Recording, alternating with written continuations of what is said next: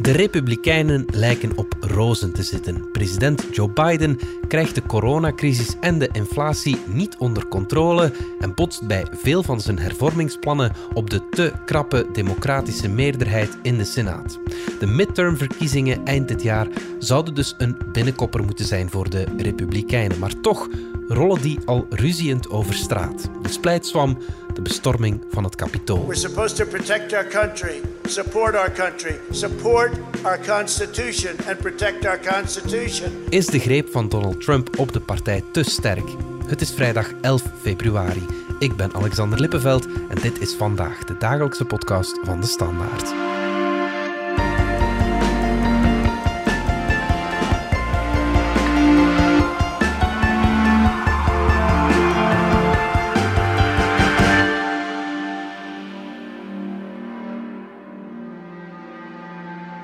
Steven de Voer, onze Amerika-kenner. Eind dit jaar zijn er weer midterm-verkiezingen in de VS. En als ik het parcours van Joe Biden bekijk, dan denk ik dat de Republikeinen ja, in een zetel zitten.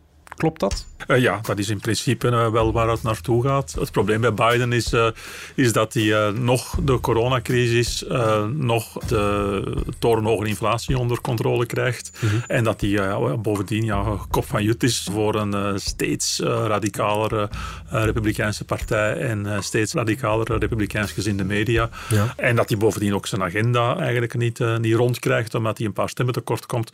Kortom, voor de Republikeinen zijn de, zijn de vruchten eigenlijk maar te plukken in principe in november. Ja. Maar voorwaarde dat ze niks verkeerds doen. Maar ze maken toch veel ruzie, voilà.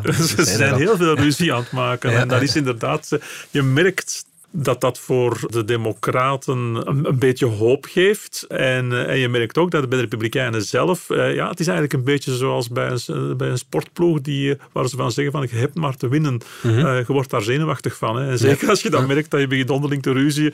dus dat is niet de bedoeling en ze kunnen het niet vermijden. Nee, ja, ja. En de, de, de hoofdreden is eigenlijk wat er moet gebeuren met de geschiedschrijving. Meer bepaald de geschiedschrijving over wat er vorig jaar is gebeurd, 6 januari 2021 de uh, bestorming van het Capitool. Protesters overcome the police. The police are now running back into the Capitol building. We have cheers from the protesters that are watching behind the scenes. Het punt is eigenlijk dat het Trump-kamp heel duidelijk probeert te verkopen dat daar eigenlijk helemaal niks ernstigs aan de hand was. Het was dat een fediver. Dat, dat, dat een fediver was, dat zo snel mogelijk moeten, moeten vergeten dat Trump daar zeker was niks mee, mee te maken uh, had. It's nothing the radical Democrats will not do to get power that they so desperately crave, even the outright stealing of elections. En dat lukt tot op zekere hoogte, maar ze moeten er ook niet in overdrijven, want dan zijn er dan weer meer conventionele republikeinen die zeggen van we gaan ons daar nog mee onder de voet schieten daarmee. Mm -hmm. En het is nu een stuk uh, acuter geworden. Sinds een dag of tien geleden heeft het uh, Republican National Committee op zijn uh, wintercongres in Salt Lake City mm -hmm. een wel uh, zeer markante resolutie aangenomen. Die bestond eigenlijk uit twee delen. In de eerste plaats een zware blaam voor Liz Cheney en Adam Kinzinger. Mm -hmm. Dat zijn twee republikeinse leden van het Huis van Afgevaardigden. Uh, zoiets is nog nooit eerder gebeurd in de partijgeschiedenis, dat uh, zittende congresleden van de partij zo'n formele blaam krijgen voor hun, uh, hun gedrag als politicus. Ja. Het punt is, er is destijds opgeroepen om over de partijgrenzen heen een onderzoekscommissie op te richten naar 6 januari. De republikeinen wilden daar niet aan meewerken en uiteindelijk heeft Nancy Pelosi, de voorzitter van het Huis van Afgevaardigden, Democraten, heeft aan de enige twee Republikeinen die ze vond, die, die zeiden van ja, dit kon nu toch echt niet zijn wat Trump daar heeft geprobeerd. Dit, dit, dit ja. kunnen we niet toelaten, dit moeten we onderzoeken. Heeft aan hen gevraagd van ja, willen jullie dan mee in de commissie zitten? Remaining silent and ignoring the lie emboldens the liar. I will not participate in that. I will not sit back and watch in silence while others lead our party down a path that abandons the rule of law and joins the former president's crusade to undermine our democracy. We must speak the truth. Our election was not stolen, and America has not failed. Dus dat zijn de twee republikeinen die meewerken aan dat parlementair onderzoek, terwijl Ja. de rest van de partij dat zo snel mogelijk wil eh, van, En van die de krijgen nu een blaam van Die de krijgen nu een officiële blaam van de partij. Enfin, ze worden eigenlijk beschuldigd in die resolutie van eh, medewerking aan vervolging van normale burgers die legitiem hun politieke onvrede uitdrukten. Ja. Oké. ja. Ja. Oké, zegt het zelf. ja, ja, ja. We hebben allemaal de beelden gezien. We hebben ondertussen de documentaires erover gezien. Ik denk dat het inderdaad wel kras is om te spreken over normale burgers Normale die legitiem burgers. hun politieke onvrede uitdrukten. Als ik denk aan die, aan die man met die horens, dan Wel, denk ik, eh, dat is misschien al geen normale burger. Nee, nee, en dat is dan nog dat is een vrij ernstig geval, maar dat is dan Ja. nog niet iemand die politiemensen te lijf is gegaan met allerlei projectielen. Enfin, Er zijn slachtoffers gevallen op die dag, hè, Ja, en er hadden er veel meer kunnen vallen ook. Dus ja, dat is eh, op zijn zachtst uitgedrukt eh, nogal dwarsstaand op, de, op de waarheid zoals je die met eigen ogen kunt eh, aanschouwen. En zoals die trouwens, dat is het markante, zoals die in de eerste weken in januari zelf van 2021 ook door vooraanstaande republikeinen werd, werd geformuleerd. Alleen dat zijn ze dan daarna helemaal gaan vergeten. uit Niet in het Trump. minst Mike Pence bijvoorbeeld, bijvoorbeeld, ja. vicepresident. nou, ja. We condemn the violence that took place here in the strongest possible terms. To those who wreaked havoc in our capital today, you did not win. Violence never wins. Freedom wins. And this is still the people's house. de meeste vooraanstaande republikeinen hebben toen gezegd van ja, dit, dit was er nu toch wel echt over. Eh, totdat enkele weken later eh, ophield. Ja, misschien is het nog een stuk erger dat Cheney en Kissinger een blaam krijgen, omdat ze gewoon hun parlementair werk doen, de democratie bewaken en daarvoor dus buitenspel worden gezet door hun partij. Is dat niet nog veel erger? Ja, ook dat. Hè. Dat, is natuurlijk ja, op, op, op, op zich absurd, omdat zij doen wat dat hun taak als politicus is.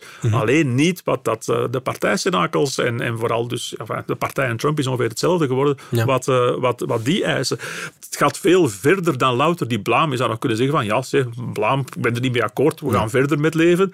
Maar er is nog iets bovenop gekomen, een soort van eh, extra bijzondere regel is, is er uitgevaardigd op die Republican National Committee.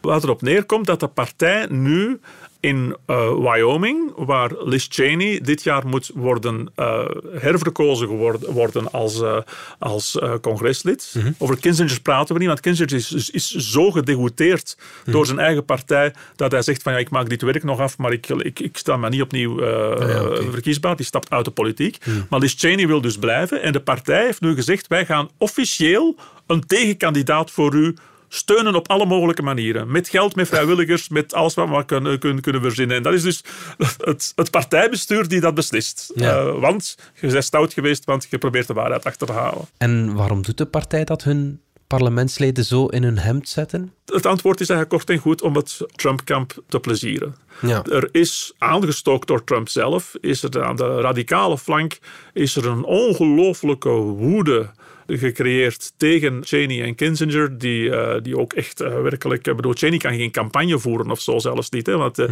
die moet constant beveiligd worden. De- het, is, het gaat zeer ver. Ja. Maar wat ze natuurlijk hadden kunnen doen in principe, was die twee uit de partij zetten. Dat is ook iets waar dat de radicale Trump-basis eist. Maar daar zit met het probleem. Als je dat doet, ben je ook twee zetels kwijt. Ja. Dus ja, liever niet dat het Huis van Afgevaardigden dat zelf deed. Dus dit is eigenlijk een manier om de Trump-fans te plezieren zonder zo ver te gaan dat je die twee zetels ondertussen kwijtspeelt. Ja. Dat is de concrete reden waarom ze dat doen, maar het past helemaal in het grotere plaatje. Een soort van algemene herschrijving van de, van de geschiedenis. eh, dus dat het allemaal zo erg niet was en dat Trump er ook niks mee te maken had. En het markante is dat dat lukt eigenlijk ook wel. Als je vergelijkt in enquêtes, vorig jaar waren er nog 52% van de Amerikanen die Trump gedeeltelijk of eh, zeer hard verantwoordelijk eh, achten voor wat er gebeurd was op die 6 januari. Dat is nu geen 52% niet meer, dat is nog maar 43%. Oké, ja. Kortom, die, die, die, die geschiedschrijving aanpassen, dat is wel aan het lukken. En dat gaat dus bijzonder ver. En soms ook bij eh, ja, komende van figuren waar je van denkt, ja, ooit zijn dat toch nog min of meer normale politici geweest. Mhm.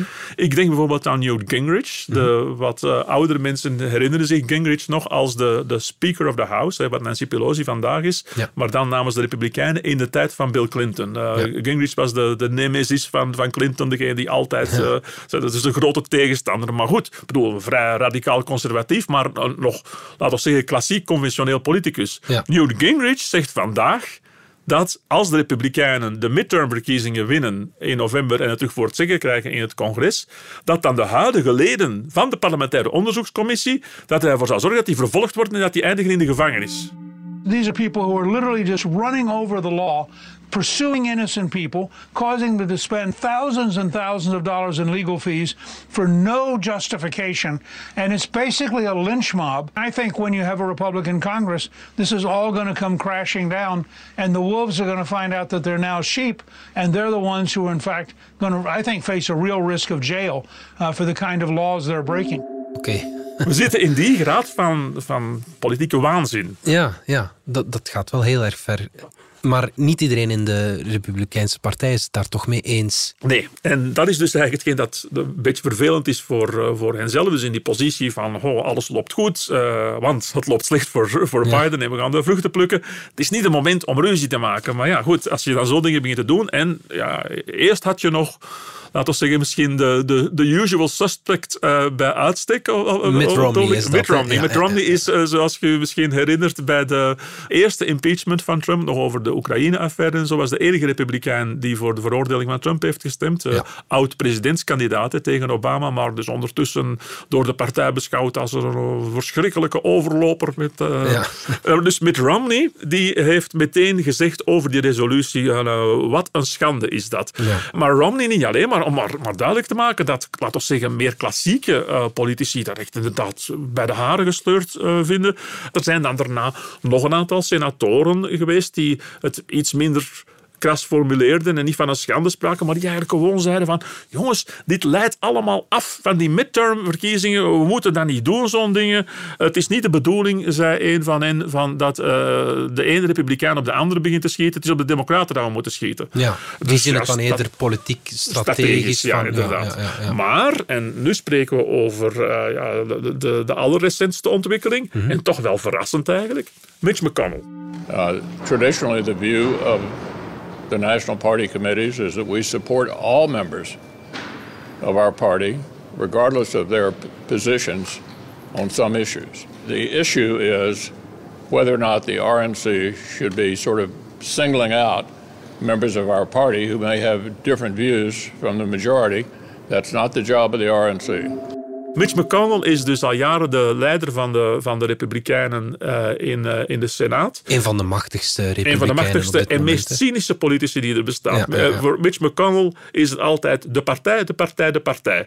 De rest van Amerika of de democratie is een geheel is toe. minder belangrijk. McConnell is door en door cynisch. En dus, surprise, surprise, McConnell heeft nu gezegd... Ja, dat was geen goed idee van die resolutie. Oké. Eh, het, we horen binnen een partij iedereen in zijn mening te laten. Het is niet de taak van het partijbestuur om individuen op hun vingers te gaan tikken voor hun mening. Ja. En hij voegde eraan toe, heel duidelijk, en dat heeft hij al vaker gedaan trouwens. Behalve een cynicus is, denk ik, Mitch McConnell toch ook iemand die op die dag, terwijl ze daar toch met schrik zaten allemaal, hè, iemand die toen heel hard geschrokken heeft, maar hij heeft dus nu nog eens herhaald, dit was niet eh, de, wat was het ook weer, de, de legitieme uitdrukking van een politieke onvrede. Dit was een gewelddadige rebellie tegen de vreedzame machtsoverdracht na eerlijk verlopen verkiezingen. It was a violent insurrection for the purpose of trying to prevent the peaceful transfer of power after a legitimately certified election from one administration to the next. That's what it was. Pas op, dit is de leider van de Republikeinen in, in, in de Senaat die dat zegt. Dat En die is zegt toch het wel... tegenovergestelde van wat Die Trump zegt het tegenovergestelde van wat de Trump-kamp zegt. En dat is dus toch eigenlijk wel nogal, uh, nogal markant. Uh, Ja. dat, dat die twee zo tegen, tegenover elkaar staan. En kan hij daarmee de rust wat laten terugkeren, denk je? Niet zo evident, omdat ja, McConnell zou heel graag willen. Die wil eigenlijk dat er zo snel mogelijk over die kwestie van 6 januari opgehouden wordt. Ja. Die zegt, wij willen de verkiezingen winnen in november. En als we nu alles gaan doen, iedere gekkigheid, hij zegt dat natuurlijk zelf niet zo, maar, maar het komt er wel op neer, iedere gekkigheid van Trump radicaal gaan volgen, dan gaan we daarbij een heleboel twijfelende kiezers in het midden tegen het hoofd stoten. En dan riskeren we die prachtige winst die voor het grijpen ligt te gaan missen. Dus die wil dat dat stopt. Maar langs de andere kant heb je dus het radicale Trump-kamp, dat, uh, ja, dat zeer machtig is binnen de partij. Ja, je zit met het probleem Trump zijn karakter op zich. Van Trump moet je geen redelijkheid mee verwachten. Die is eigenlijk door die verkiezingsnederlaag, hij die zo tegen losers is, die is zo boos en gebeten geworden dat hij nu ook echt van iedereen eist dat te erkennen dat de verkiezingen zijn gestolen en dat hij de echte overwinnaar was.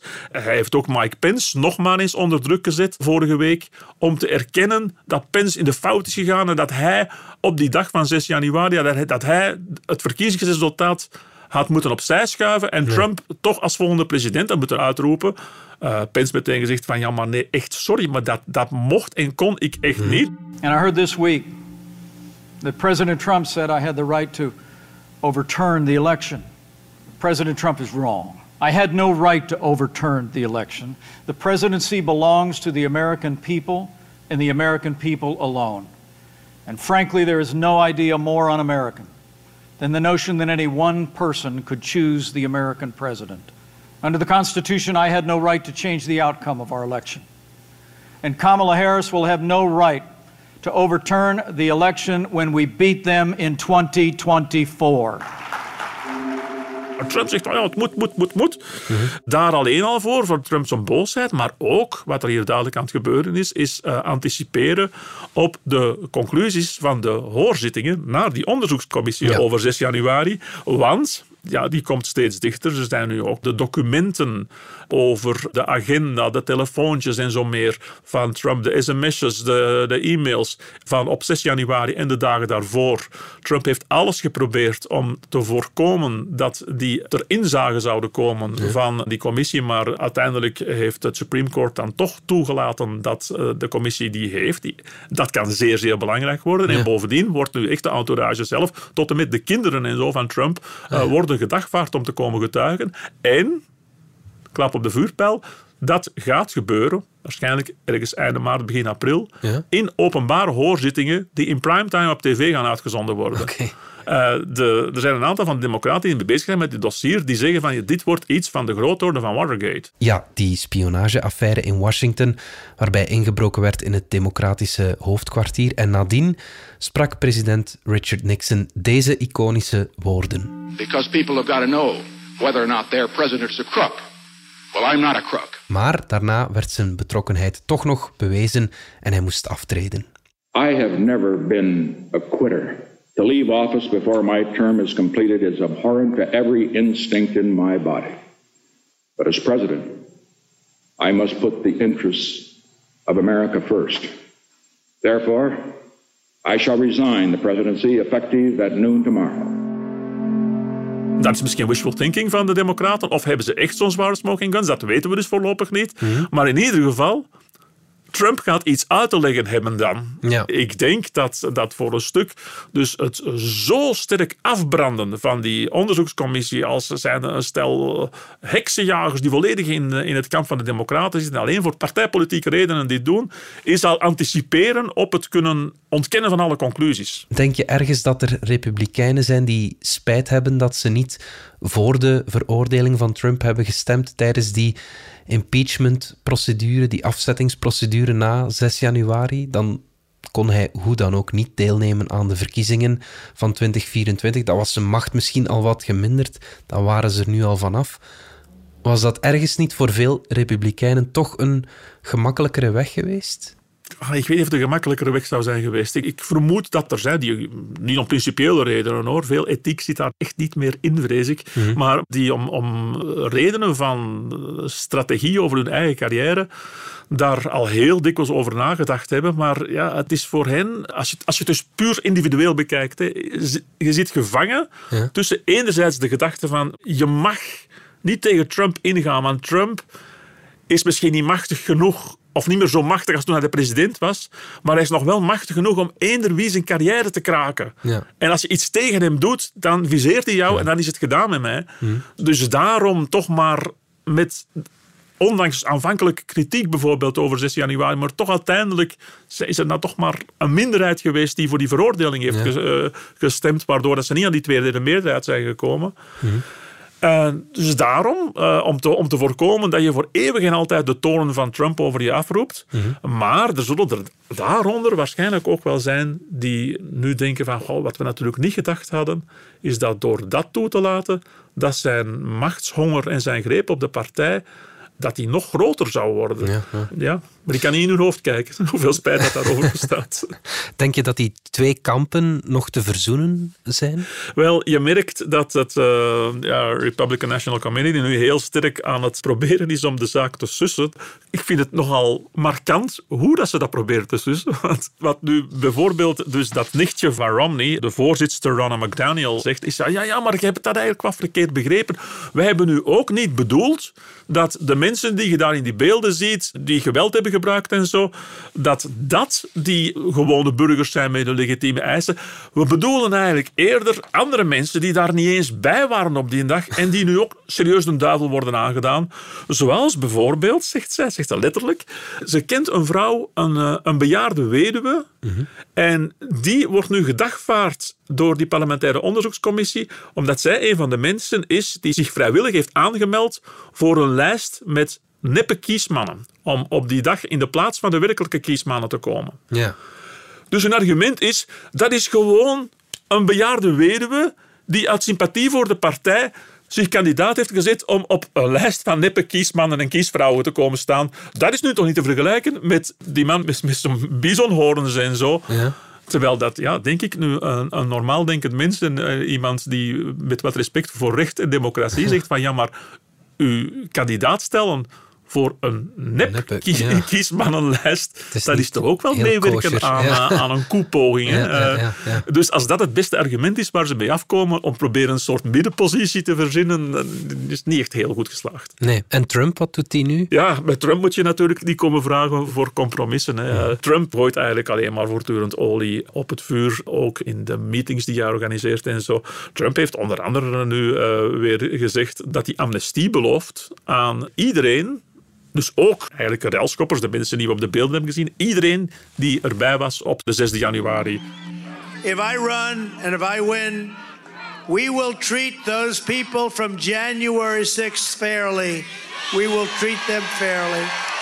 And if it requires pardons, we will give them pardons because they are being treated so unfairly. Dus als hij president wordt, zal hij iedereen amnestie geven daar. Mhm. Het markante is, en het illustreert een beetje hoe gemakkelijk dat die geschiedsherschrijving gebeurt, omdat niemand nog echt een geheugen van langer dan een paar maanden schijnt te hebben daar. Mhm. Maar dat Trump ook meteen nadat het gebeurd was, op het moment dat hij nog president was, ook al gevraagd is om daar amnestie aan te geven. Maar op dat moment hebben zijn advocaten gezegd van nee, je mocht dat niet doen. Mhm. Want als je dat gaat doen, dan gaat iedereen zeggen van ja, kijk, het zijn duidelijk zijn vrienden. So go home. We love you. You're very special. You've seen what happens. You see the way others are treated that are so bad and so evil. I know how you feel.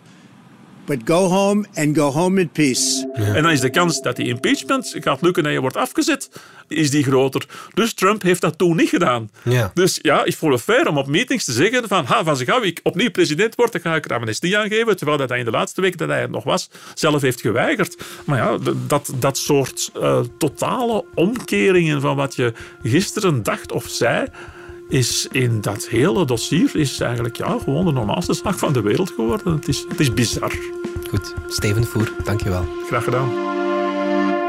Dit was vandaag de dagelijkse podcast van de Standaard. Bedankt voor het luisteren.